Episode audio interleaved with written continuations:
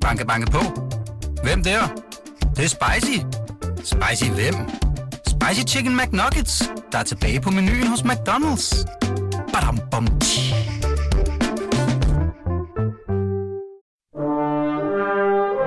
Du lytter til Radio 24 Den originale taleradio. Velkommen til Flaskens Ånd med Poul Pilgaard Jonsen. Så har klokken passeret fem, og øh, er det tid til en sundowner. Jeg har selv taget en med, Maria Grønlykke. Mm-hmm. Den står her.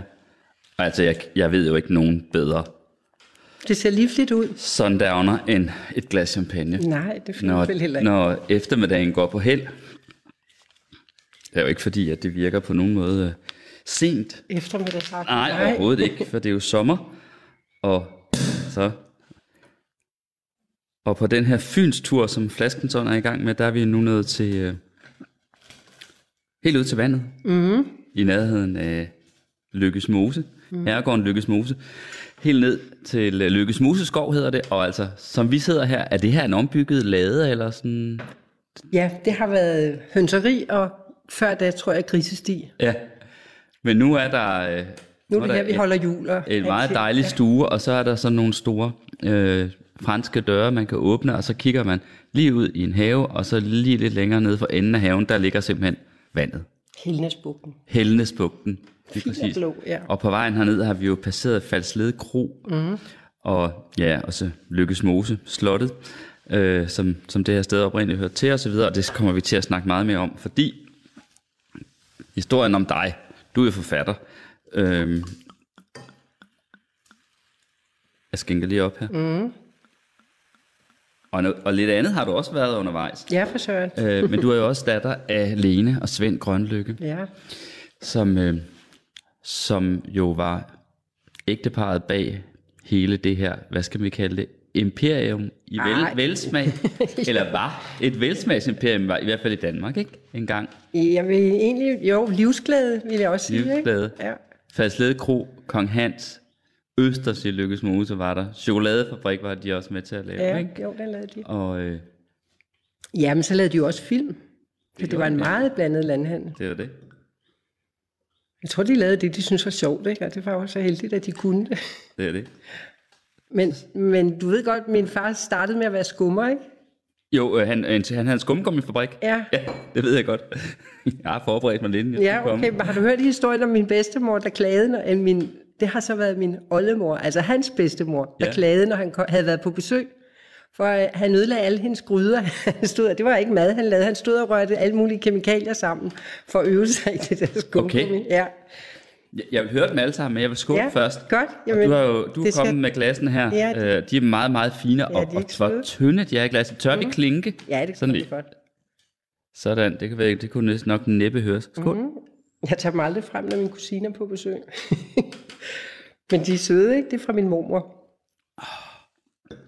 Det er din mormors glas? Mm. Det er sådan hyggeligt, der. Det er sådan en hilsen fra hende, ikke? Mm, det var en dejlig champagne. Ja, ikke? Jo. Nu er du... Nej, Den har jeg... Øh, den fik jeg med, fordi jeg var nede, inden jeg, inden, øh, et par dage inden øh, jeg skulle afsted, der øh, var jeg i anden anledning nede ved, ved øh, hvad hedder det, øh, nede i Snargade i Indre By i København Nå, hos, øh, hos Jørgen Kryf. Ja, men det var lige før, jeg ville have sagt, at det var en krybchampagne. Det er en sjovt. nede i L'Esprit du Vin. Ja. Og Kryf er faktisk ikke hjemme, fordi han er vist på, på ferie, rejse øh, til nogle vinsteder i øh, Frankrig og Spanien. Ja. Øh, men øh, Frederik, som er øh, medarbejder dernede, sagde, at jeg fortalte, at jeg skulle på den her fynstur, så sagde han, "Nå, så skal du, så skal du have den her flaske champagne med, så I kan drikke undervejs. Og øh, jo tak, jo tak, selvfølgelig. Øh, især da jeg så, hvad det var, han så hævde frem. Mm-hmm. Fordi det var, øh, det var en, øh, det er en producent, som hedder øh, De Sousa. Mm-hmm. Erik De Sousa hedder han, og det er hans øh, bedste, det er hans bedste vin, som hedder Cuvée de Caudalie. Mm-hmm. Ja. Kodavi. Caudalie, simpelthen. Ja. Og angiveligt så skulle øh, Caudalie øh, være et lokalt navn på en tidsenhed altså ligesom man kan ja. et minut, eller ja, hvad man skal ja. sige, på den ti, en tidsenhed, som refererer til længden på vinens eftersmag. Skal Nå, vi lige prøve det? Lad os lige se, hvor lang tid den Nej, smager. Nej, interessant. Der er det ja. lidt her.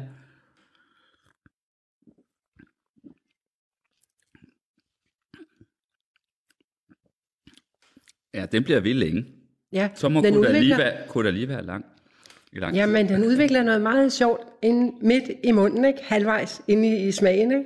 Så kommer der sådan en Mm, den er meget svær at, at definere, men der kommer noget, Altså, jeg, sådan en lidt... Hvor når den egentlig fra? Ja, Det er sådan altså, lidt en lidt øh, ældet. ældet smag, der kommer. Lige ikke? præcis. Ja, ret sjovt. det, det er nemlig det.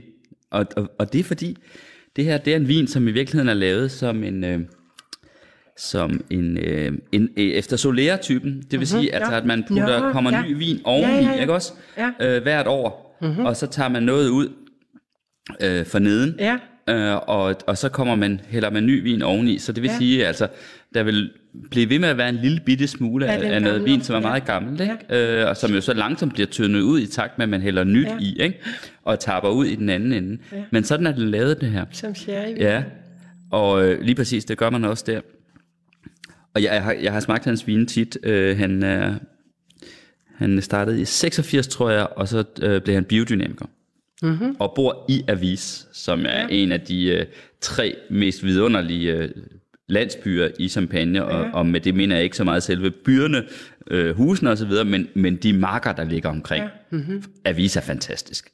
Ja. Ja. Det er også der sådan en, som Jacques Celos bor. Og, øh, og så er han, øh, og det er jeg nemlig også, en meget stor beundrer af, af sådan nogle huse som Krug og Boulanger. Ja. Og det, der, der karakteriserer dem, det er, at de bruger, at de lager vinen i sådan nogle små træfade. Så det gør han også. Mm-hmm. De Sousa her. Men, men ja, Ja. når du nu fortæller, øh, jeg tænker bare på, der er nogen biodynamikere i champagne, men er, hvad er der egentlig øh, specielt for deres måde, ved du det? Ja, det er jo, at man dyrker det biodynamisk. Ja, det er med jo, på, men om der var andre ting undervejs i forbindelse med, øh, ja, øh, når den lager, og når den bliver tappet? Nej, øh, det, altså, det tror jeg er lidt afhængig altså, af de, øh, enkelte, den enkelte producent, hvor meget man gør. Det er jo heller ikke noget, der nødvendigvis har noget at gøre med forskrifterne for biodynamisk produktion, ja. som jo øh, meget har at gøre med, hvad man gør nogle bestemte ting på nogle bestemte tidspunkter, bruger nogle præparater, som mm. i virkeligheden er en slags homoepatiske Ja. svar til Baldrian medicin. Ja, men øh, man, man tager et kohorn, fylder det med mm. kalvelort, graver det ned i øh, x antal måneder, graver det op igen og, og, og oplyser det i en million liter vand. Altså, og sprøjter ud. Det Camilla Flum har sagt det meget fint. Hun siger, at man kan grine af biodynamikerne, men det, de laver, det er altid yndigt. Præcis. Og det er det nemlig. og det virker, og det, Ja. må jeg, det er jo det, jeg siger. Jeg synes også, det lyder som noget hokus pokus, men jeg må bare konstatere, hold da op, hvor Ja. Kan det gøre noget for vinen, der og er der, helt ja, men ikke kun vin, du er også gulerødder Ja, og ja, ja. æg, og det er fantastisk. Det er noget helt andet. Det er det Lige virkelig. præcis. Ved Men- du hvad, jeg lavede? Må jeg ikke fortælle dig det? Jo. Jeg lavede øh, for, det er 25 år siden i år, en messe på børsen, hvor vi samlede alle de bedste fødevareproducenter i hele Danmark. Danmarks bedste fødevarer kaldte vi det uprætentiøst. Oste og marmelade og brød og pølser og alverdens ting. Og vi havde et fint smagepanel med folk fra det gastronomiske akademi og den ene og den anden. Det var meget fint og, og hyggeligt udvalgt, og, og vi fik alle de der ting, varer ind fra de forskellige producenter. Og der havde vi blandt andet fået nogle gulerødder fra nogle biodynamikere op på Sjællands Øje. De er mere kendt i dag, øh, Birke Moskov. Dengang var det derop af nogle meget, altså det var sådan kult i stor stil. Men så fik det der fine smagepanel med Ebbe Mørk og Lilian Kaufmann og Grete Krumme og øh, Claus Meier Nielsen øh, og øh, jamen alle, øh, Daniel Letts og hvem der var, vi var 9-10 mennesker, tror jeg. De fik de der gulerødder, og så, så smagte de på dem, og så sagde de, øh, jamen, de smager af gulerod, ikke? Altså, mm. de der fine gulerødder, biodynamiske op fra Birkemosskov. Og så sagde Daniel, nej, nej, nej, de smager, jeg kan overhovedet ikke få sådan nogle gulerødder. Og så gik han ud og hentede de gulerødder, han plejede at bruge til at lave mad inde på Kong Hans, som folk jo var rimelig tilfredse med det der mad. Og så fik de de der gulerødder hele vejen rundt, og de smagte dem, og så spyttede de dem ud hele vejen rundt. Og så kunne de Det smage forskellen. Ja, fordi så pludselig smagte de af petroleum og alt muligt. Altså, de andre smagte bare fint og rent af gulerødder. Det var virkelig et lærestykke. Jeg tænkte på, om vi ikke lige skulle skåle for Kryf. Det var trods, Jo. trods alt hans firma, som så Jo, øh, jamen, har været så venlig ja. at sponsorere Jo, den her det er flaske meget fint, jo. champagne. Det lød som om, du Skål kender for ham. Kryf. Ja, ja men Kryf, han er, han er meget sjov, og han, jamen, altså, jeg sad engang hos Peter Vinding, Dr. Vinding, som er vinspecialisten par excellence i det Som her har- land, og nærmest Som har skabt vinbladet sammen med sin Ja. kone, Luffe Elisabeth Lofert. Ja. Luffe, kaldet. Og, ja, og de har holdt et stort, fint champagnegilde. Og så sad jeg med Kryf på den ene hånd, og så sad jeg med dr. Erik Skovenborg på den anden hånd, som også er stor vinspecialist. Og, Ja, han har og også været i kender- Flaskens Hånd, faktisk, Det tror jeg, det, Ja. ja. Og de to bord her, jeg, jeg sad jo virkelig godt og, og solidt der, de skiftede så til at hente champagne til mig, og det var så sjovt, fordi Kryf, han hentede så nogle Kryf-champagner, som var fuldstændig snorlige og skarpe og elegante og præcise, og det var som at gå på en knivsæk, altså det var, de sad lige i skabet. Og, og Erik Skovengårds champagne, de var helt anderledes. Det var sådan nogle, øh, som smagte af ristet brød og kaffe og alle mulige andre ting. En helt, helt anden stil. Ikke? Og det kunne man se, de der to mennesker, som hentede den champagne, de selv hver især bedst kunne lide hver gang. Der var jo, altså der var 200 forskellige champagne, ikke? så det var så sjovt. Øhm, der kunne man jo se noget om de to. Det var virkelig morsomt. Plus at, at det var altså sjovt at smage alle de der forskellige. Ikke? Mm. Fordi det var, det var utroligt, hvad der var af forskel. Ikke? Det er altså søge mig, kan jeg mærke her i dag. Det trænger virkelig trængt til den her eftermiddagsdrink, så jeg skænker altså lidt mere. Også lidt til dig for et syns skyld, så det ikke skal se ud som om, Ja, men den- spiller det hele. Den er dejlig. Den, har, den er også meget sådan æblet og... Mm-hmm. Den, ved du, den smager også en lille smule af hyldebær. Er hyldebær? Ja, og den har sådan en lille, sådan en... en Man kan altså til godt... sidst, i, øh, hvad var det, du kaldte den? Kud, Øh, Cuvée de Caudalie. Caudalie. Sidste Man kan altså Caudalie, godt høre ja. på dig, at, øh, at du er en, der virkelig har beskæftiget dig med smag og den slags. Jeg sad også lige og tænkte på, hvis man skulle lave sådan en mini-præsentation eller biografi om dig, Maria Grønløb, Maria Grønløb, Maria, ja. jeg husker, jeg der. Mm. øh, så kunne man vel sige jurist først, ikke? Kogekone, og så forfatter. Fordi siden 2003 har du skrevet bøger. Endda i en grad, så du fik, fik du ikke debutantprisen Jo, det på. Bogforum? Jo. Det kan jeg huske. for Fisketyven, som er en novellesamling, Ja, der foregår her. Det var alle Det, det naboerne. er sådan nogle, øh, det er sådan nogle, i virkeligheden nogle øh, portrætter eller små noveller om nogle mennesker, som er meget inspireret af de folk, der bor her omkring. Ja, jo, det må, Hvad jeg, jo- de det til må jeg det? jo sige. Øhm, altså, De er jo Hvor- lidt øh, særlige, nogle af dem. Ja, men altså... Mm, Rød Jus, han sagde, jeg skal have procenter. Hvad for noget? Jeg skal have procenter, sagde Rød Jus. Røde jus, ja. ja. han skulle have procenter. Ja. Okay. Øhm, Hvad hedder det ellers, en røde jus? øh, jamen, det er alt, altså, jamen, så var der jo fisketyven, som var Ja. ja. øh, ligesom... Det var faktisk, han satte det i gang, da han var kravlet ind af vinduet derhen, og der var glasgård i sengen, og han havde brudt ind, han, han brød ind i alle sommertu, hvad hedder det, sommerhuse op og ned ad kysten. Og, og så dengang, øh, det var før jeg havde skrevet, så havde vi haft det der indbrud. Øh, så spurgte jeg politiet, fordi jeg vidste, han brød ind alle de der steder. Så sagde jeg, og han gjorde han brød ikke ind for at stjæle noget, han brød ind for at sove. Han levede simpelthen langs kysterne. Og så sagde jeg til politiet, hvis jeg nu sætter en seng op til ham ude i laden, og sætter noget, han kan spise, når han kommer, og så, så sætter jeg en seddel til ham i vinduet, der hvor han plejer at bryde ind, der havde han så gjort det et par gange. Hvad skal jeg så sige til ham? Hvad hedder han? Åh, du kan bare sige fisketyven, sagde politiet så, ikke? Og øhm, men, jamen, så skrev jeg til ham i stedet for, fordi så var han kommet i fængsel. Så skrev jeg til ham i stedet for og øh, spurgte, om jeg ikke måtte komme og interviewe ham, for jeg synes, det var så mærkeligt, det med en mand, der ville gå op og ned ad kysten og fiske og bryde ind i nogle sommerhus.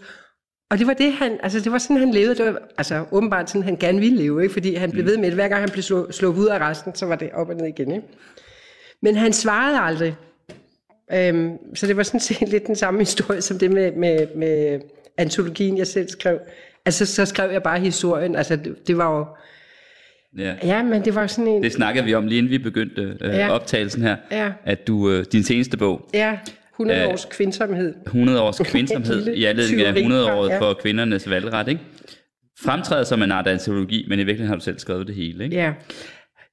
Jeg sad lige og kom til at tænke på, jeg havde allerede glemt, at det her jo i virkeligheden bare er sommerhus, men på en eller anden måde, så går du sådan ind i stedet og landskabet og alt muligt, at man, øh, at man faktisk tænker, her må du da bo, men du bor faktisk i København en Jeg bor i. København. Jamen, jeg er jo også vokset op her. Jeg er vokset op i, måske 800 meter væk, eller hvor langt der er ind over marken, ikke? Er der 800 meter op til slottet? Ja, sådan noget lignende, jeg ved ikke. Jeg har ikke målt måske en hel kilometer, jeg ved det ikke. Men det er jo det her område, ikke? Som, Mm. Forresten, øh, apropos øh, Peter Vinding, der, lægen, som, ja. øh, som også øh, har vinbladet sammen med sin kone, ham, øh, ham kørte Ninette Birk, vores producer, som sidder her Ja. ved siden af. Vi kørte faktisk lige forbi ham og hilste på ham. Ja. Jeg kender ham godt. Ja. Han har også været gæst i Flaskens Ånd. mm, Og han fortalte en sjov historie om dig. Okay? Ja. Peter har altid mange sjove ja. historier om alle mulige mennesker. Altså, ham og hans kone, ham og hans, ja, ham og hans kone kom fra, kommer, eller hvad hedder det, hans far var læge i Assens, ikke? Ja, jo. Vinding, og, og, og hendes Og far Lofer var politibetjent Ja. i Assens Lofer. det var betjent Lofers der. Ja, og de, øh, de bliver jo så kærester, og vi er der i 70'erne, Mm. Ja. og det hele er nok ret venstreorienteret og uborgerligt, og sådan noget med at blive gift øh, gør man ikke, og slet ikke forlovet i hvert fald. Og så, øh, og så indrykker du en annonce i den lokale avis, mm. hvor i du på deres vegne deklarerer deres forlovelse. Og jeg tror, jeg takkede for al opmærksomheden i anledning af deres forlovelse. Jeg tror, det var det, der stod. Og, men altså, de første... Hvorfor gjorde du det? Jamen, det var for, Peter gik også altid og lavede sådan practical jokes med alle mennesker, og han har altid gjort det, og han gør det stadigvæk. Og han, øh, Men det var lige, hvad man ikke som ung ville der i 70'erne. Man skulle sgu ikke forloves, vel? nej, men altså på den anden side, de var ret forlovet, ikke? Og herregud, men altså, jeg måtte også høre for det. Det er længe siden, han har snakket om det nu, men de første, de første 40 år måtte jeg da høre for det. Han siger, at, han, at de modtog en masse henvendelser fra folk. Jeg tænkte, det kunne være, I anledning af deres blomster og forlovelse. Og, og vin. Det- det gjorde han de har fået flasker med Madeira og sådan noget. Han har sikkert, det, alt i alt har det sikkert været sjovt. Hvor gammel var du da? Ah, Jamen, jeg tror, jeg må have været 15 eller sådan noget, fordi de var lidt ældre, ikke? Ja. Og, det var, og, og så synes vi jo bare, at det var helt balstyrisk borgerligt, ikke? Måske har det været dig selv, der længtes helt vildt efter at blive forlovet, Maria Grønlø. Tror du det? For, ja, fordi du bliver jo selv ikke bare forlovet, men gift som 19-årig. Ja, okay. Og du er, du er stadig har gift med den samme mand, ikke? Jo, jo. Du bliver gift som 19-årig. Ja, Altså for det første er det jo virkelig umoderne at blive gift i 70'erne, ikke? jo, Og så som 19-årig. ja. Og så i kirke. Og jeg var ikke engang medlem af Folkekirken. Og det var min gamle religionslærer, der videde os, og det var så hyggeligt. Hvorfor ville du og den kirke, jeg selv havde pyntet som barn, det var meget hyggeligt. Hvorfor jeg ville giftes? Mm. Jamen, det var jo fordi, jeg var blevet så smask forelsket i Jacob. Han var pludselig en, en, en helt anden slags mand, dem jeg ellers havde mødt, og dem jeg havde været omgivet af, de der øh, øh, missing links, som jeg er vokset op med. Jeg har fem brødre. Missing links? Altså sådan en helt anden slags menneske, ikke? Og så, jeg troede jo ikke, mænd kunne være sådan, så da han var der, så skyndte jeg mig at slå kloen. Jeg skyndte mig fri til ham. Du Det skulle helst ikke i radioen, for mine børn siger, ej, det gjorde du ikke. Var du sådan en mandelone? Du friede selv. Altså, der er to versioner af historien. Jeg mener, jeg gjorde det. Det mener Jacob ikke. Men vi Og Jakob, det jo altså Jakob Mollerup, som Ja. jo, øh, som jo er, i øh, har været journalist i medieverdenen også. Ja. Og stadig skriver Han har en, en klumme i ikke? politikken, ja. Præcis. Den er god, vil jeg så sige. Jamen, jeg synes, Jeg det, læser politikken hver dag. Jamen, Jeg synes du ikke, den er god, den klum? Jeg mener det virkelig. Jeg siger hver gang, at jeg roser ham, skamroser ham, så det er ligesom, ligesom uh, Emma, AP Mærsks kone, der altid roser sin mand. Det gør jeg med den klub. Hun Jeg synes, det? den er meget fin. Hun det? Og hun tog ham altid i forsvar, når der var nogen... Det var meget sødt, altså, det synes jeg. Så det var sådan en, jamen skål. Så vi holdt rubinbryllup sidste sommer. Jeg tager Det altså lige et den. stykke af det, Jamen, han har lavet det. til mig. Hvad, hvad er det? Det er jo... Øh, sådan en, En, ja, en tart flambé, det lyder så fint, fordi det er sådan set meget, meget simpelt jo, ikke? Men man laver en bund, og så putter man lidt fyld ovenpå, og så... Der er nogen, der kalder det en hvid pizza. Jeg synes, jeg lyder lidt bøvet for. men meget, meget tynd bund. Mm, Om ja. den lækker. Det er godt. Hvor gammel var du? Da jeg kom her til Lykkes Mose. Din Der far købte otte. slottet, ikke? Jo, Da det blev til salg, eller godset. ja, Der var det 8. der var jeg ude. Mm. Og vi kom fra Hornsherred. Også et meget, meget smukt landskab over for Orø, hvor der har altid været vand i Var det der, han har haft en skumgummifabrik? Den havde han i Frederikssund, Ja. faktisk. Og det var det, han tjente sine penge, lavede sine penge på. Ja. Svend Grønløb. Ja, det var det. Øhm, dengang havde man jo halm og tang og alt muligt skidt og inde i madrasserne, og det var tiden, altså det var, der, der har sikkert groet dyr rundt i, som man blev træt af på det tidspunkt, ikke? Og, og øhm, jamen faktisk så var der, han havde lavet et skub. Min bedstefar, hans far, solgte landbrugsmaskiner. Det vil sige, at min far og hans to brødre, de kom med rundt på dyrskuer og markeder i hele landet.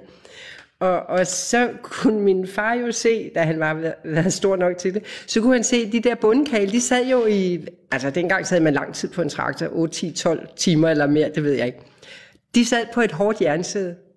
Og det var, altså, der sad de og skumplede gennem marken. Så noget af det, han tjente mange penge på, det var at lave sådan nogle polstrede skumgummisæder til traktorerne. Så man ikke skulle sidde på ondt i Så man ikke, ja, præcis, jamen altså, det må være ret at slippe for. ja. Og så gik han videre med, med det der skumgummi og byggede en fabrik og, og havde en, altså det var øhm, polyater, og det havde man ikke. Det var en, en, en ny måde at lave det der stats på. Mm. Øhm, Og så kommer I herned, Lisa, du skal begynde i skolen cirka. nej, jeg var begyndt. Du var begyndt? Ja, ja for søren, for, fordi det er nemlig så sjovt. Den skole, vi boede langt, langt, ja lige så langt ude på landet der med vandet, altså som hvis man gik et skridt længere ud, så stod man. Øhm, der, og der gik jeg, vi gik i en, øh, en landsbyskole, sådan en rigtig, rigtig gammeldags landsbyskole. Når jeg fortæller mine børn om det, så har jeg jo levet i et andet årtusind. Det var det også, ikke? Øhm, hvor der var en, et skolerum, og der var et år oppe i hjørnet, hvor, hvor læreren spillede, når vi havde morgensang, og så spillede han på violin, når det var, når det var sangtimer. Og så var vi to klasser ad gangen og gik øhm, altså første og anden om formiddagen og tredje og fjerde om eftermiddagen. Og, altså det, og så kom hans kone ind og underviste Det var oppe i. Horntaget. Det var Vendslev skole. Ja. Og så kommer I herned. Det er gammeldags, det der, ikke? Og der, var, der blev fyret i ovnen. Jeg, undskyld, jeg kan blive ved, fordi det var så sjovt, ikke? Og så kommer I herned. Så kommer vi herned. Men så er I pludselig godsejerens børn. Ja, ja, det var vi. Øhm, og det sagde de også, da vi kom op på Hårby skole, lærerne, at vi skulle ikke tro, vi var noget, fordi vi kom derfra. Og det gjorde vi jo ikke. Altså, vi var bare sådan nogle små unger, ikke, der kom og talte et helt andet sprog. Ikke? Altså, det var jo et helt... Altså, vi talte sådan noget Gustav Hvidsk sjællandsk, ikke? og her taler de syngende fynsk. Ja, det ja. gjorde de især dengang. Ikke? Ja. Øhm, ja, vi gik op i Hårby i nogle... Jeg tror, der var en intermissionsk inspektør, og min storebror har aldrig hørt til de mere sådan regerlige. Så vi flyttede i skole, og det gjorde vi nogle gange. I Øh, flyttede skole, Ja, fordi og I var uvågne. nej, vi var ikke. Ja, nej, nej, jeg var ikke. Lad mig tale for mig selv. Jeg var ikke. Din bror var.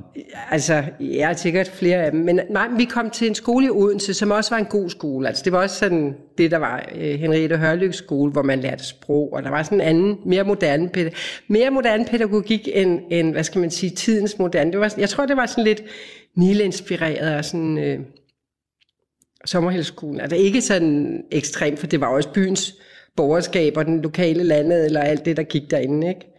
Overlæge børnene. Og det var, men altså, det var også en sjov skole, mm. øh, fordi det var sådan en... Jamen, det var meget anderledes end en kommuneskole, hvor man skulle øh, synge hårsalme. Og hvad så, når du havde, fik fri, når du var derhjemme, hjemme på slottet? Hvad lavede du der? Mm.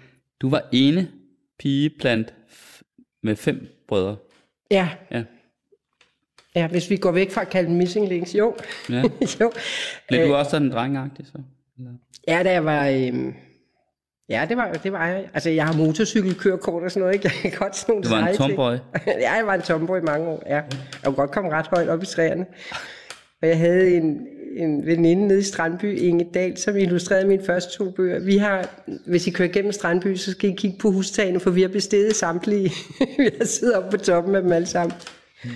Ja, jeg viser ikke mine børnebørn. Men det må det have været sjovt at bo på et slot. Jamen det var det da også fra Søren. Det var, og, og jamen det med at, at vokse op i en smuk natur, det bliver man jo øh, det, det bliver man jo glad for, ikke? Og så hører det med, og, og øhm, man værdsætter det.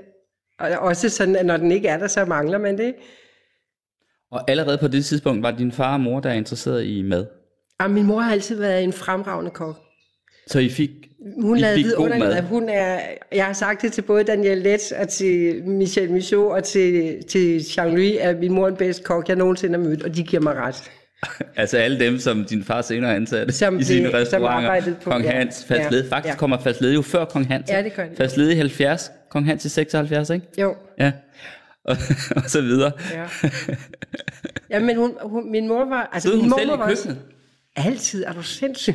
ja, det gjorde hun. Og så fik hun syet sådan nogle store, skønne flæseforklæder, fordi hun, altså, hun ville også se ordentlig ud. Ikke? Det var så sødt.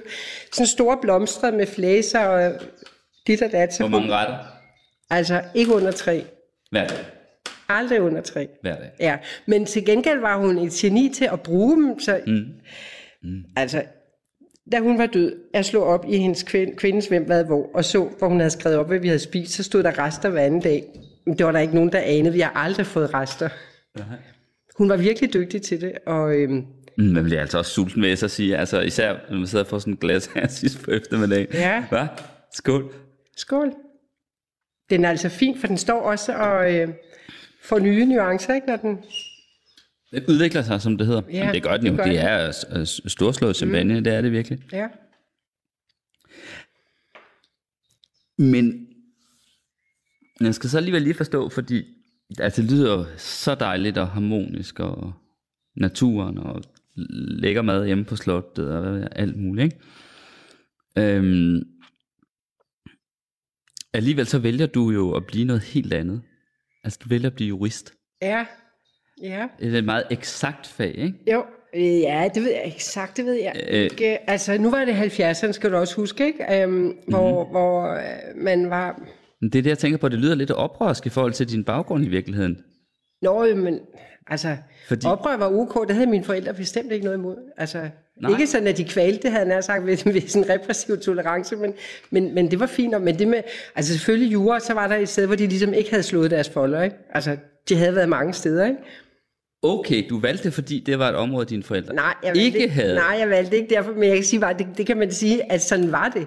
Men jeg Ah. valgte det, fordi jeg synes, det var interessant, fordi jeg var politisk interesseret. Jeg ville gerne vide, hvordan samfundet fungerede, Ja.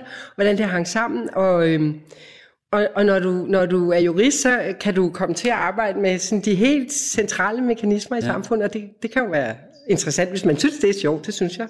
Men ved du hvad, jeg synes det er sjovt, at øh, det der med, at du siger, at der var endelig et område, hvor dine forældre ikke havde været, for det er vel det, der, øh, der på en måde springer ind mest i øjnene, det er, hold da op, en øh, mangefacetteret mand, din far har været, og sikkert også din mor. Ej, endnu mere min mor for søren. Okay, Ja. men vi ved lidt mere om din far, Ja. i offentligheden i hvert fald, Ja. forstået på den måde. Vi har været, haft, det, haft det fremme sådan set, men for bare lige at opsummere, ikke? altså i virkeligheden en skumgummifabrikant, ikke? Ja, han var handelsskoleuddannet, han var, han var uddannet på en Præcis. Ja. men som jo så rent faktisk øh, kø- køber et slot, det er så hvad det er, men jo også køber nogle filmstudier, er Asa filmstudier, er. og bliver filminstruktør, Ja. og instruerer nogle film, som jo er de første øh, herhjemme i Danmark, der er, er repræsentant for, for den nye bølge, mm. La Nouvelle Vague, mm. som det hed i Frankrig. Han grinede meget, da dogmerne kom frem og sagde, det, der, det var jo sådan, vi lavede film for 30 år siden. Ikke? Præcis, ikke? Ja. Og nu kan jeg ikke huske dem alle sammen, men der er den der, den mest berømte øh, af hans film. Øh, hvad hed den? Øh, Balladen om Karl Henning. Balladen om Karl. Ja, Henning, ja. ja. Lige præcis, ikke? Øh, men, Men- som jo så var en god film, ikke? Altså, så han kunne, han kunne også være filminstruktør. Og så op, jeg er nødt til at protestere. Fordi det var ikke sådan, det skete. Altså, det, nej, han lavede den første film selv, som var en børnefilm. Og den, den var meget sød og meget sjov, og havde nogle, altså sådan, sådan fantasteri, ikke? Så, mm. Hvis man så den i dag, ville man sikkert synes, den var sjov, ikke? Mm. Men, og hvor min mor var skribgået. Det, der skete, da de lavede balladen om Karl Henning, det var, at min mor hun begyndte at bestemme, hvad der skulle være. Ja, det var hende, der, det kan jeg godt sige dig. Min far var kanon dygtig til at øh, sætte tingene i værk og sætte dem i gang og, mm. og stå og råbe, når der skulle råbe sig folk. Men, men altså, det var min mor, der gjorde, hvad skal man sige, der havde, det var hende, der var, øh, de var begge to meget facetterede, det var der ikke nogen tvivl om. Men det var hende, der havde de der, altså, balladen om Karl Henning, vil jeg sige i dag, det er hendes film, ikke? okay. Ja, og i øvrigt var det morsomt, fordi så blev min far spurgt, da de skulle give interviews om den. Jeg tror, det var Berlingske Tiden, der sagde, hvad, hvad er egentlig ideen med, at deres kone også er med til at lave? Det spurgte de virkelig om i et interview. Og min far han sad sådan og hostede, ikke? Altså, fordi han, min mor ville jo også blive tosset, hvis han sagde noget forkert. Ikke? Fordi dengang skulle man virkelig op og stå og ja, råbe ikke, for at komme igennem med det. Det er også derfor, virkelig jeg, nogle mange facetterede mennesker, fordi ja. Så kommer der så hele det her, øh, hvad skal man sige, øh, det lille imperium, kan vi så kalde det, af velsmag med kroerne, øh, restauranterne og, Jamen, og ja. hvad hedder det, og vinimporten jo, ja. øh, Lykkes Mose Vinimport og så videre. Vi bliver sådan lidt nysgerrige. Øh, hvordan, nu har du beskrevet lidt, hvordan din mor var med forklæde. Hvordan var din far? Hvad husker du ham? Øhm, altså Hvad- sådan som... Øh, hvad tænker du på? Altså han var jo... og Der er mange måder, ikke? Altså, hvad, hvad tænker altså, For det første vil jeg sige, at han er et af de sjoveste mennesker. Han havde sådan en... Han var Han var virkelig morsom. Altså bare når han snakkede med sin hund, var det morsomt, ikke? Han var meget morsom. Og... Øhm, mm, jamen altså... øh, Som forretningsmand tror jeg egentlig, han, man skulle karakterisere ham som sådan ret forsigtig ikke? Og, og egentlig fornuftig. Når du hører hele det der mærkelige batteri af ting, han har lavet, så vil man jo ikke tænke på, at det var en fornuftig mand. Men det var han, og han byggede det så op sådan en ting efter en ting. Ikke? Og, øh, Men hvordan foregik det derhjemme? Altså, hvordan, øh, hvordan foregik samtalen, for eksempel diskussionen? Ja, okay. Lige i diskussionerne, der var det simpelthen bare den, der råbte højst, der havde ret. Så det Okay. var, og, det, og, det, og det tror jeg også var med til, at jeg ville være jurist, ikke? fordi jeg tænkte, ej hold kæft, der må sgu også være noget med nogle argumenter, der er lidt mening i og ræson, ikke? Det har også helt bare sikkert... højst, den vil jeg. Den, der råbte højst, havde ret. Okay. Og, det, og vi var jo mange, ikke? Altså, så det var lidt et galehus, ikke? Men, men øh, nej, meget. Men, men øh, ja, altså, det, har også, det har også haft betydning for, at jeg valgte det fag, fordi jeg tænkte, at der skulle være... Øh, jeg, jeg kunne godt lide øh, fornuft, og, og at viden var, var, havde betydning, og alt den slags ting. Ikke? At man ikke bare sad og galet op. Og det kunne man godt gøre. Det var helt, helt i orden hjemme hos os. Men blev du egentlig ikke også blomsterbinder? Jo, jo, jeg var hos Erik Bering. Det var det, det jeg gjorde efter, jeg var, øh, efter jeg blev student. Så tog jeg til København og arbejdede hos Erik Bering. Du har en, øh, hvis jeg lige kigger op i dit hår, du har en meget stor, sådan en, ro, en roset, men den er jo ikke lavet af, den er lavet af stof, ikke? Jamen, jeg plejer faktisk at have en rigtig blomst, men nu er det meget tørt for tiden. Ja, den ligner. Nej, der står der nogle blomster der. Det er jo solsikker, der står oppe på bordet. Ja, Det er foran den, øh, hvad hedder det, midt i rummet. Det, der er sådan ligesom tre franske døre, eller fløjdøre ude, ikke? Det er så de midterste fløjdøre. Der er et bord, og sådan øh, et rødt, et rødt læder øh, stole. Altså det ligner, ligner sådan nogle, hvad hedder det, øh, sofa, læder sofa, som godt kunne stå på en god restaurant, ikke? Eller sådan lidt hip restaurant måske. du det? Ja, det synes jeg. Ved du hvad, det er simpelthen, øh, det er simpelthen nogle helt platte, billige sofaer fra Ikea, men jeg synes faktisk, de er Er ret det? flotte. Ja. Jeg synes bare, de er ret skønne i farven. Øh, farver, det, jeg er glad for farver. Hvordan var det inde ved Erik Bering? Han var jo den, den berømte blomsterhandler Ja. dengang, ikke? Jamen, det var enormt hyggeligt. Altså, det var sådan meget øh, familieagtigt. Det var sådan en meget anderledes familie, end den, jeg kom fra. Men det var, det var meget... Øh, det var meget... sku- Jeg ville gerne lære at binde blomster. Jeg har altid været glad for blomster og, og gået meget, været meget i naturen. Og, og, øh, og så ville jeg gerne have sådan et lidt mere øh, professionelt forhold til det, uden det blev et rigtig professionelt forhold. Ikke? Altså sådan, at jeg kunne det. Det var egentlig lidt ærgerligt, fordi når jeg nu sætter blomster i vase, så gør jeg det sådan lidt forkert, i stedet for bare at gøre det. Fordi jeg gør det lidt sådan, som det skal være. Det er egentlig pænere, når man bare sætter dem, ikke? Ah, Men derfor var det gør sjovt alligevel. Ja. Jeg lærte for eksempel at binde brudbuketter, det synes jeg er så skægt. Og nu, jeg har bundet til alle mine veninder, og når jeg kunne slippe afsted med det, og, og nogle af dem er jo endda blevet gift to gange. Ej, det, det er pjat. Jeg siger faktisk til folk, jeg binder kun én. Og så til, øh, ja, men nu er det mine børn. Du har noget med det med forlovelse og ægteskaber. Du har, når jeg er grønlæng, det kan jeg høre. Det, kan- det, jeg okay, det kan godt være. Mm, Jeg er egentlig ret romantisk, det vil jeg forstå. Men det var jo også det, faktisk mine forældre var, ikke? Fordi de fandt et romantisk slot, og de lavede en romantisk kro, og altså der, de var meget til romantik, ikke? Og holde sammen hele livet. Ja. Øhm, og, og jo, men det var også sådan en omgivelse, når min mor lavede mad. Det var også romantiske måltider, ikke? Altså, de var sådan smukke, og så lavede hun sådan en fin sådan sted nede i haven, hvor vi sad og spiste, hvor der var blomster på servietterne, blomster på alting, og blomster mm. rundt om, ikke? Altså, det var altid sådan romantiske setups, og sådan var mine bedstemødre faktisk også. Så det er måske et gen. Det man jo lige skal huske på, og som de, de færreste, øh, der ikke er oppe i alderen, jo, jo tænker på eller ved, er jo, at det jo i realiteten var din far, der indførte, hvad skal man sige, ordentlig mad eller gastronomi i Danmark, ikke? Jo, nu starter Fordi- jeg igen, for det var altså også lige så meget Ja, min din mor, ikke? som ja, jamen, det din var far og det mor. virkelig. Ja. Øh, fordi der var jo ikke noget, altså, øh, altså vi var Michelin-stjerner, og øh, nu taler vi om, hvor mange vi får, og hvor mange der får et og to Ja, og tre og, og så blevet meget placeret, Der var ikke? Ja. intet Nej, overhovedet, Nej, jo, og det var din der var far. Østerport, og der var... Øhm, åh, hvad hedder det nu? Nej, var det... Men din far skaffede, hvad hedder det, de her franske kokke, som senere blev berømt til Danmark lige fra... Det var min mor, hun gjorde det, Monsieur. fordi hun talte så pivhammerne godt fransk. Og hun kunne, altså... Hun, kunne, det, hun, talte, hun var flydende, hun havde været au pair i Frankrig. Ja. Ja. Det var også derfor, hun havde lært at lave rigtig god mad, ikke? Og hun havde været i England. Og det, altså, Men øh, åbner så den her kro i 1970, Falslede Kro, som øh, ligger ikke ret langt derfra, Ja. i 70. Og hvor gammel har du været der? Du er født i... jeg er i 57, jeg var 13-14 år. 13, 71 åbnede det, ja, 14. Tog I den her spise nede på Falslede Kro hele tiden? Ej, ikke hele tiden. Nej. Men altså, min mor lavede jo meget mad, ikke? Og når man laver meget mad, så vil man også prøve sit... Det er Ninette, der nyser, hun har fået en sommerforkølelse. hun lavede meget mad. Hun så lavede skulle meget fri mad, en- og, en og nogle gang gange, når man laver meget mad, så vil man gerne være fri for at lave mad, Ja, ikke? selvfølgelig. Og, og der var ikke nogen steder, man kunne gå ud og spise her. Det var der absolut ikke. Det er blevet lidt bedre. Men altså, før, altså. nej, det var der ikke. De så skabte Nej, så kunne de tage til Hesselet. Det gjorde man så nogle gange. Ikke? Mm. Men, men øhm, altså... Hvad med vinen? Jamen, det kunne man jo heller ikke. Der var den med tyren, hed den ene, og så var der en anden en, ikke? Øh, okseblod. Altså, Så der derfor, var, så der derfor, var næsten ikke derfor noget. skabte dit vinfirma? Ja, men de, nu skal jeg lige huske rækkefølgen. Jeg tror, de, de lavede øh, kroen, og så, øh, og så tog de vin hjem til kroen, og så blev det til en vinklub, mm. hvor folk kunne mm. Få tilbud sendt. Øhm, og så tog de vin til Kong Hans også, og så byggede de op, efterhånden op et, et lager også. ikke? Lykkes Mosevin en dag. Ja. ja, det er så lige lidt noget andet. Men, men, det de, men, de er, men de er jo interessant ægtepar, fordi, øh, vel også på grund af omgangskredsen, ikke? Altså, øh, Rifbjerg, det, altså det, det kan man jo læse om, hvad hedder det, hvordan Rifbjerg var en øh, fast gæst på, på Kong Hans, fordi han kendte. Nej, men han Dine var med til forældre, at ikke? lave det. Nej, han var med til at lave Kong Hans. Men fordi ja. han kendte dine Ja, forældre, ikke? ja, de havde mødt hinanden.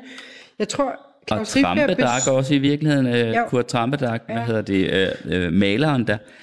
Altså, var det sådan nogle, øh, var det dine forældres omgangskreds, var det sådan nogle, der kom her? Jamen, Rifbjerg, jamen, det, jamen, det var det jo. Altså, Claus, han kom første gang på Skallehage. Jeg tror, det har været i 1900... Skallehage, hvad det? Skallehage, det var der, vi boede i Hornsherred. Ah. Som også var et smukt sted, der lå ned til vandet. Mm. Der kom Claus med mm, Leif Panduro og...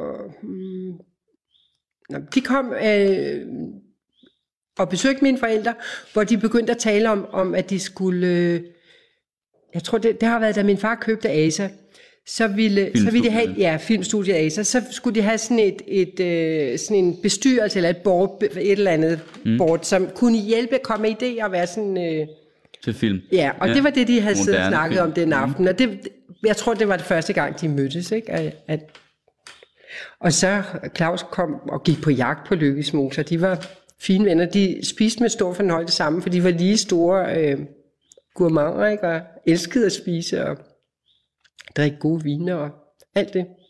Bordets glæder. Skål. Skål. Og med, og med Kurt, der var det også sjovt, fordi Kurt Trampedag, mm. maleren. Mm. Ja. Øhm, øh, Kurt var ked af det. Han var blevet skilt og ville... Jeg tror, det var... Nej, det er ikke rigtigt. Det er forkert. Kurt ville bare i almindelighed gerne... Han havde set, der, de havde besøgt dem nede i Baskerlandet. Kurt og hans kone, de havde besøgt mig i Baskerlandet, hvor mine forældre fandt et meget, meget smukt hus. Men en flot udsigt og så videre. Der skulle altid være en flot udsigt.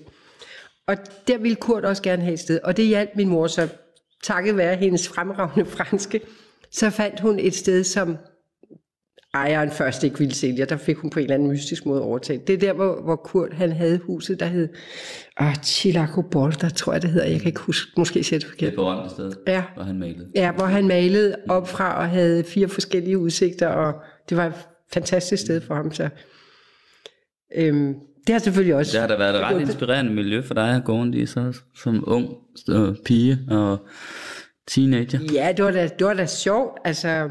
Mm, men, men det tænker man jo ikke så meget over som barn, vel? Fordi så er det sådan, det er. Øhm, jeg vil sige, øh, da de havde lavet Thomas er fredløs, den første børnefilm, og der har jeg så været 10 år, det var i 67, der kom Peter Belli på besøg. Det var noget. Det var noget. Ja. Det var mere end Claus Yes, Richter. yes.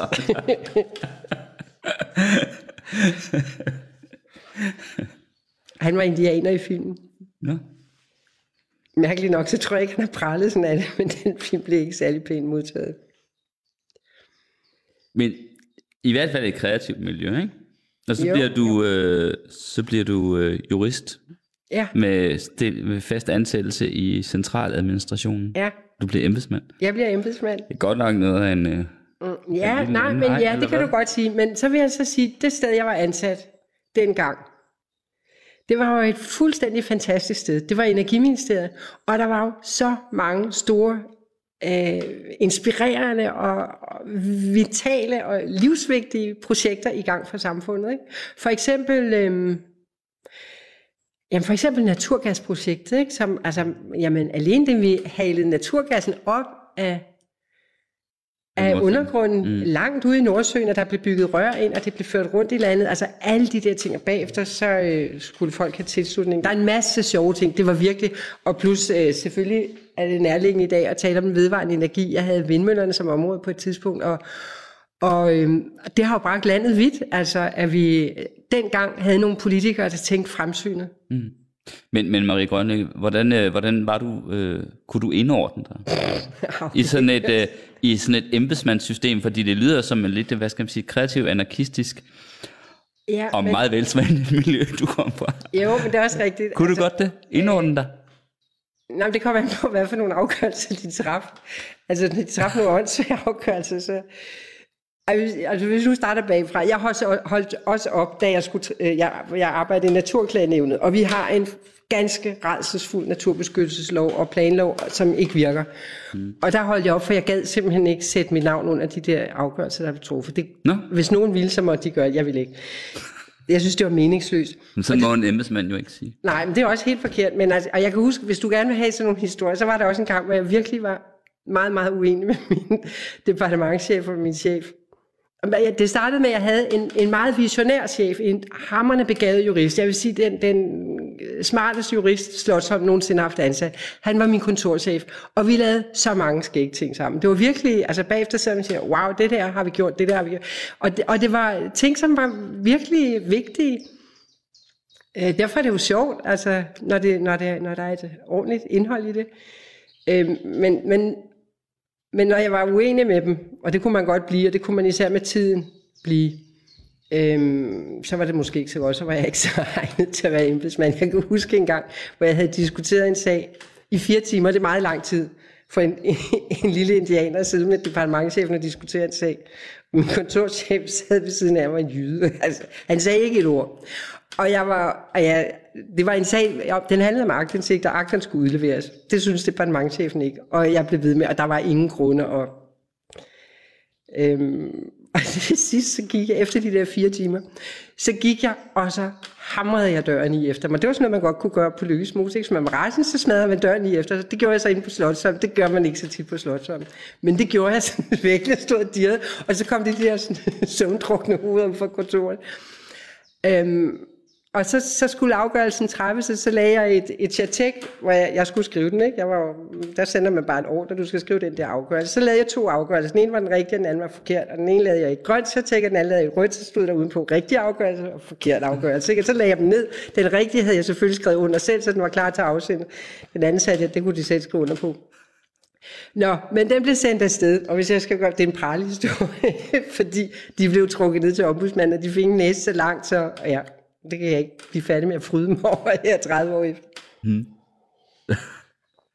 men, øh, men altså, nej, jeg var måske, men altså på den anden side, så jeg var jo ikke, øh, altså jeg var jo ikke bange for nogen, vel? Det var jeg jo, jeg, det var en meget anti-autoritær opdragelse, vi fik, så vi var ikke, vi var vant til, at vi ikke skulle være bange for at gå imod autoriteter. Øh, Så den Så det kunne godt være- anti-autoritære indstilling slæbte du med ind på Ja, Slottholmen? det gjorde jeg selvfølgelig, men, men selvfølgelig så vidste jeg jo også, der var nogle, øh, altså, der var jo, altså, men når, men når det så blev for, jeg synes, det var sjovt at arbejde der, når det var nogle fornuftige ting, øh, der, blev, der foregik. Mm. Ja. Og der var, jeg har en kollega, jeg havde en kollega, som sagde, ja, ved du hvad, du mangler en afgørende egenskab for nogensinde at få et twitterrøvstillæg. Jeg fik det heller aldrig.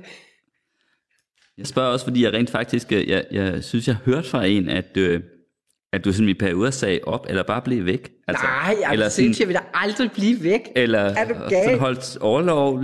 Ej, jeg kunne holde overlov, men det, jo, det gør man jo. Ja, det kan man men det var derfor, du blev kogekone, ikke? Jo, altså. jo, men jeg blev ikke væk. Nej, du er rigtig klog. Nej, vil jeg ikke men du holdt pauser. Fordi Ja, du, men kunne, jeg- ja. du kunne ikke holde det ud. det Nej, der hvis, jeg, hvis vi kom ind i et eller andet, hvor, hvor tingene var... Jeg vil sige, at jeg havde også rigtig, rigtig meget at lave. Jeg arbejdede på deltid, ikke? fordi mm. øhm, Jakob var journalist, der havde sene arbejdstider, ikke? Og, Men- og, og det var rimelig håbløst. Hvis jeg skulle til at være sådan en hissig karrierejurist fra Slottholmen, altså, ja, nogle af dem havde taleretarderede børn. Det var jo ikke sjovt, vel? Altså. Men så holdt du nogle pauser for jobbet, når det foregik på en måde, du jamen, ikke kunne jeg, lide. jeg blev nødt til, jeg blev ikke væk. Så tog jeg overlov. Ja, ja. ja og så, det var fordi, at det var hurtigere at tage overlov, end at finde et andet job. Ikke? Fordi overloven, det kunne du tage sådan med udgangen af måneden. At finde et andet job, det tog lidt længere tid, ikke? som regel. Ikke? Og levede sig af at være kogekone. Og så gik jeg med min kusine ud og lavede mad. Det er hende, der ikke aldrig har set glas. Hun har aldrig set glas, som vi drikker i flasken sådan i dag. Men prøv lige at høre, øhm, det kunne du altså lave mad. Jamen, Har du øh, lært dig af din mor egentlig? Eller, altså, det vigtigste med at lære at lave mad, det er sådan set, at man smager, hvordan den skal smage. Jo, ikke? Mm. Øhm, men altså, jeg plejede også at hjælpe min mor, men hun lod mig ikke gøre så meget andet end at røre salatdressing, så jeg er ret skarp til salatdressing. Men altså, jeg så jo, hvordan hun gjorde, og øhm, prøv at jeg kunne smage på den, øh, hvad hedder den, flambe, øh, tart flambe? ja, Jeg lige har, jeg lige har spist lidt af, at, mm. at du kan jo. Altså, det, man kan jo mærke det lynhurtigt. Altså, og man har sansen for det. På en eller anden måde. Bare i den mindste lille ting, ja, man får. Det kan man det er altså. godt. Det er Øh. faktisk, gælder faktisk også i vinen, faktisk. Altså, jeg tror lige.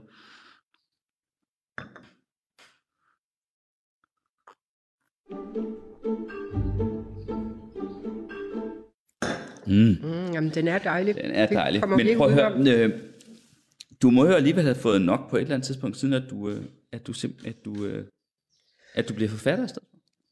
Ja, det var ikke noget, jeg havde sådan regnet med. Øhm, det var ligesom for fint til mig at være forfatter. Øhm, men, men på det tidspunkt var jeg som sagt i Naturklagenævnet. Og, og jeg synes, det var en håbløs lovgivning. Jeg har altid arbejdet... Dengang havde Energiministeriet en god lovgivning. Det var fremragende lovgivning. At der er forskel, man kan have dårlige lov og gode lov. Vi havde gode lov dengang, nu har man en masse dårlige lov. Hold op. Mm. Men, men øhm, det synes jeg ikke, at naturbeskyttelsesloven var ikke god, og, det, og den er ikke blevet bedre. Altså, jeg synes faktisk, det er ret tragisk. Øhm, og, og så havde jeg lavet et kæmpe projekt øhm, i den sidste tid i Energiministeriet, øh, som så var, øh, det var under Svend Augen, som også var blevet Miljøministeriet. Miljøministeriet og Energiministeriet, de blev lagt sammen. Og så lavede jeg, så lavede jeg lovgivning for CO2-afgifterne. Og det var et kæmpe projekt, og det skulle som sædvanligt gå rigtig, rigtig hurtigt. Og det var kanon sjovt, ikke? Fordi Altså, hvis der var noget, verden manglede dengang, så var det CO2-afgifter, ikke? Og det var et, et øh, middel, man skulle bruge til at regulere forbrugerens adfærd, og det øh, virker, ikke? Altså, og derfor var det sjovt, at de endelig havde etableret en enighed om, at det skulle, øh, at det skulle sættes i værk. Og så sad jeg og knoklede med den der lovgivning, fordi det var, altså, og mange var på de høje navler, mange var rasen, ikke? Og alle forsiderne var hysterisk. Det var sådan lidt svært at komme tilbage. Det var den sjoveste opgave, der havde været i Energiministeriet på det tidspunkt. Og jeg havde haft mange forskellige opgaver. Som, altså jeg fik altid de gode, svære opgaver. Ikke? Øhm, så det var sådan lidt svært at se, hvad der ville være sjovt der. Øhm, og så, øh, ja, men så var det måske også fordi, jeg kunne godt se det der med at være embedsmand og, og, og synes, at lovgivningen er for dårlig. Den er lidt, altså, det hænger ikke sammen med. Fordi det var det, der var mit problem. Det var en dårlig lovgivning, og altså, jeg kunne aldrig arbejde under de der forhold i dag, hvor jeg tror ikke engang, man bruger jura længere. Jamen, det, du skal fandme ikke grine. Nej, nej, jeg mener det. Nej, men hele den der udflytning, det er der ikke andet end afskaffelse af ekspertise og sagkundskab og faglighed. Hmm. Ja, men det er et stort spørgsmål at rejse. Ja, Vi det kan tror godt- jeg ikke, at vi, kan øh, godt lade vi kommer omkring i pladsen sådan i dag. men, men altså... øh, Men vi kan jo også bare kode ned til, at du så rent faktisk siger op, ikke? Ja, så sagde jeg op. Ja. Hvornår er det? Mm, det var i... Øh, det var i 97. I 97? Ja, men det var så også, øhm, på det tidspunkt var min far jo alene, og Der var din mor død. ja, det gjorde hun i 1990. Mm. Og det var jo enormt, altså frygtelig svært for min far. Han, øh, øh, også, han skulle stadigvæk passe sine ting og videreudvikle sine ting og sådan noget, og det var, ja, det var meget svært. Så det var tit, altså jeg, jeg, han, jeg hjalp ham tit med alle mulige forskellige slags ting øh, i alle de forskellige slags virksomheder, også hvis der var noget juridisk og alt, altså alt muligt. Og jeg havde jo samtidig en familie, og det var svært at få det til at hænge sammen, ikke? Øhm, så jeg tænkte, det var den nemmeste løsning, og så måtte jeg finde noget. På det tidspunkt havde jeg også i øhm, 93 og 94 lavet de der fødevaremesser, som betød, at jeg havde fået et fantastisk netværk og kendt alle de gode fødevareproducenter i hele landet. Og øhm, jeg havde skrevet om i forbindelse med, at vi lavede, vi lavede den første, ja, begge messerne havde jeg skrevet nogle artikler, og været ude og interviewe dem, og så de var enormt sjove mennesker, fordi de var så engagerede, det kunne man jo mærke med det samme, ligesom sådan en snor embedsmand, men der sad nogle mennesker, som dirrede og brændte for det, de lavede. Ikke? Du, så, det er altså rigtig sjovt, fordi øh, Det er faktisk rigtig sjovt for mig at høre, fordi en af de, en af de første ting, eller, eller ikke en af de første, men jeg tror ikke, jeg har måske været der 5-6 år på weekendavisen, der lavede jeg sådan en serie, der kørte hen en sommer, eller over en sommer, jeg kan ja. huske, der var 8 9 artikler. Mm. Den hed Jagten efter det bedste, tror jeg, eller Jagten Ja. på det bedste. Ja, hvornår var hvor det? jeg simpelthen satte mig for at ville finde, hvor Mhm. får man de allerbedste gulerødder? Ja. Hvor får man de allerbedste kartofler? Ja. Hvor er det allerbedste smør i Danmark? Hvor er de mest fantastiske. Ved du, hvor det smør er? Og så videre. Dengang var det. Stensgård. På Stensgård. Jamen, hvornår var det? Det har altså ikke været så længe siden. Nej, 2004 eller sådan noget. Ja. Fordi de havde den der Ja. Jersi-besætning, der lavede det. Og øh, de bedste kartofler, jeg fandt, det var faktisk nede på Tåsinge, Mhm. ude på ved, øh, hos Peter Bay, skiftekær økologi, ja. Øh, fordi der vokser kartoflerne næsten ude på, på stranden. Ja. Og der er ikke så stor, det er ja, standard- der er ikke så ja. stor forskel på nat- og dagtemperaturen, og Ja. det betyder nogle forskellige ting. Ja. Fandt også, øh, det, altså, kan man jo ikke vide, om det er det bedste, men min, min, min formål var, eller Ja. min akt var at ville finde, At det finde bedste, dem, ja. det bedste kød, Ja. de bedste kyllinger. Ja, hvad så- det er jo ikke? også en dejlig opgave. og det lyder, og, og det var jo helt fantastisk at være rundt og interviewe de her vidunderlige er det ikke rigtigt, mennesker. at det var sådan ildsjæle alle sammen, ikke? Virkelig, Ja. altså. Øh, og det er jo det samme, du har oplevet der, mm. som har gjort indtryk på dig. Ja, ja, men det synes jeg var sjovt, I fordi så ville jeg 93, gerne fortælle det er om 10 det, fortælle videre. Ja, jeg vil fortælle videre om det, så Ja. også for ligesom at, at, at fortælle, at de findes, og der er forskel, og man skal bare prøve at sætte sig og smage de to ting op mod hinanden, så finder man ud af, at det er to forskellige ting. Ikke? Mm. Og der forestiller mig, at jeg måske kunne skrive om dem, og også skrive opskrifter. Jeg er god til at lave sådan nogle meget, øh, jeg er god til at gøre en, en kompliceret opskrift simpel, ikke? så der er også koge ingredienserne ned og gøre det sådan med nogle lette gange. Ikke? Øhm, men ja, sådan blev det så ikke. Nu bor din øh, bror op på slottet. Ja. Han har overtaget godset, ikke? Og nogle af dine andre brødre har overtaget forskelligt af det andet. Altså, øh, og nu er den, det er jo så solgt videre Ja. i virkeligheden til en kapitalfond, ikke også? Ja, Øhm, som ikke betaler skat. Ja, min mor var blevet rasende. tror du det? Ja, det, Det lyder som om, du har en vis animositet, kunne vi måske kalde det, Ja. over for det, der er sket. jamen, det synes jeg også er sørgeligt. Du jeg har været imod, eller hvordan? Ja, det har jeg. Og jeg synes, det er så tragisk, at sådan et fint, fint, fint familieforetagende ikke kan overleve et generationsskifte. Jeg synes, det er så rædselsfuldt. Så det har skuffet dig, den måde, din, øh, er det det, du siger, din, den br- brødres måde at Altså skuffet, det på? ville indebære, at jeg skulle have haft nogle højere forventninger. Det ved jeg ikke, om jeg vil bruge det ord. Men i hvert fald, så synes jeg, det er så tragisk. Jeg synes virkelig, det er synd. Og det er jo blevet noget meget, meget anderledes i dag, ikke? Ja. Ja. Det er ikke så sjovt. Nej.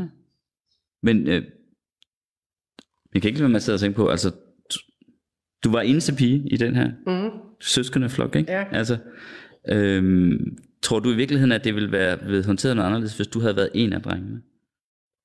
Altså, jeg er i hvert fald ikke i tvivl om, at der er rigtig meget misogyni med i spillet. Det er der ikke nogen tvivl om. Der, der, det er meget udbredt, udbredt og meget undervurderet, hvor meget mange mænd ikke bryder sig om, at kvinder er med til at bestemme. Mm-hmm. Du kan bare kigge på bestyrelserne i forskellige selskaber, også dem, men altså, Og vi kan se på, hvordan du hele tiden har øh, revset mig, eller rettet mig, når jeg sagde Svend ja. Grønlyng. Jamen det er også Din fordi, mor? det er meget forkert, ikke? og det, det er en meget Ja. ja. almindelig fremstilling, men, men min mor, hun har altså været... Øh, det er slet ikke for at underkende min fars indflydelse eller betydning, fordi de havde jo det der fantastisk gode teamwork, ikke? og de kunne, hvad den ene ikke kunne, gjorde den anden. Og, og, øhm, men, men altså, det var hende, der, øh, hvad skal jeg sige, ikke, ikke øh, altså det var lige så meget hende, der fik idéer, ikke? og det var, øh, og, og jeg mener med film, det var altså sjovt. Jeg fandt hendes gamle dagbøger, der, altså, jeg skrev en bog om dem. Øhm, så fandt jeg hendes gamle dagbog, som jeg ikke anede, hun havde skrevet, hvor hun skrev, at han havde, hun synes, hans planer om, øh, om film var lidt, jeg tror hun skrev vilde eller et eller andet. Øhm, det kunne være nu, når han havde stod med hele produktionsapparatet, at han så ville blive sådan lidt mere jordnær eller sådan noget lignende. Ikke? Det var din far. Det var, ja, ja, og det var meget sjovt ikke? at tænke på, når så kom Thomas og Fredløs, og så gik hun med ind og var på lige fod. Ikke? Mm. Men altså, det var også en kamp for hende. Det var det jo for alle kvinder for himmels skyld dengang. Jeg kan da huske, jamen, jeg kan da huske, hvordan det var. Altså, det var øh, i alle anlægner. Ikke? Hvis, jamen, den der øh, selvfølelse, alle øh, mænd, drenge, automatisk var udstyret med, som var fuldstændig uden øh, sammenhæng med virkeligheden. Ikke? Den var der bare, det var... Øh, ja, jeg er ked af, hvis jeg skuffer dig. Du skuffer mig ikke. Nå, det er godt. Det gør du ikke. Tværtimod. Jeg, jeg, jeg er glad for samtalen. Jeg er glad for samtalen. det er godt. Og, og nu er den altså nu er den slut jo. Ja, Ja. det bliver den sidste skål, mm. fordi tiden er gået. Det er den faktisk. Ninette Birk har signaleret det til mig. Okay. Men uh, skal vi ikke klinge af altså, med din bedste mors... Hvad hedder det? Altså, man kan faktisk ikke høre den, tror jeg, i uh, radioen. Nej, det Men det er fordi, godt de er Men jeg helt tror, hvis man kan høre dem, så tror jeg, at de bliver slået i stykker. Så skulle vi måske have gjort det foran en, en mikrofon. Tak, Maria Grønlykke, fordi jeg måtte komme. Jamen selv tak. I var velkomne. Banke, banke på. Hvem der? Det, det er spicy. Spicy hvem? Spicy Chicken McNuggets, der er tilbage på menuen hos McDonald's. Badum, bom, tji.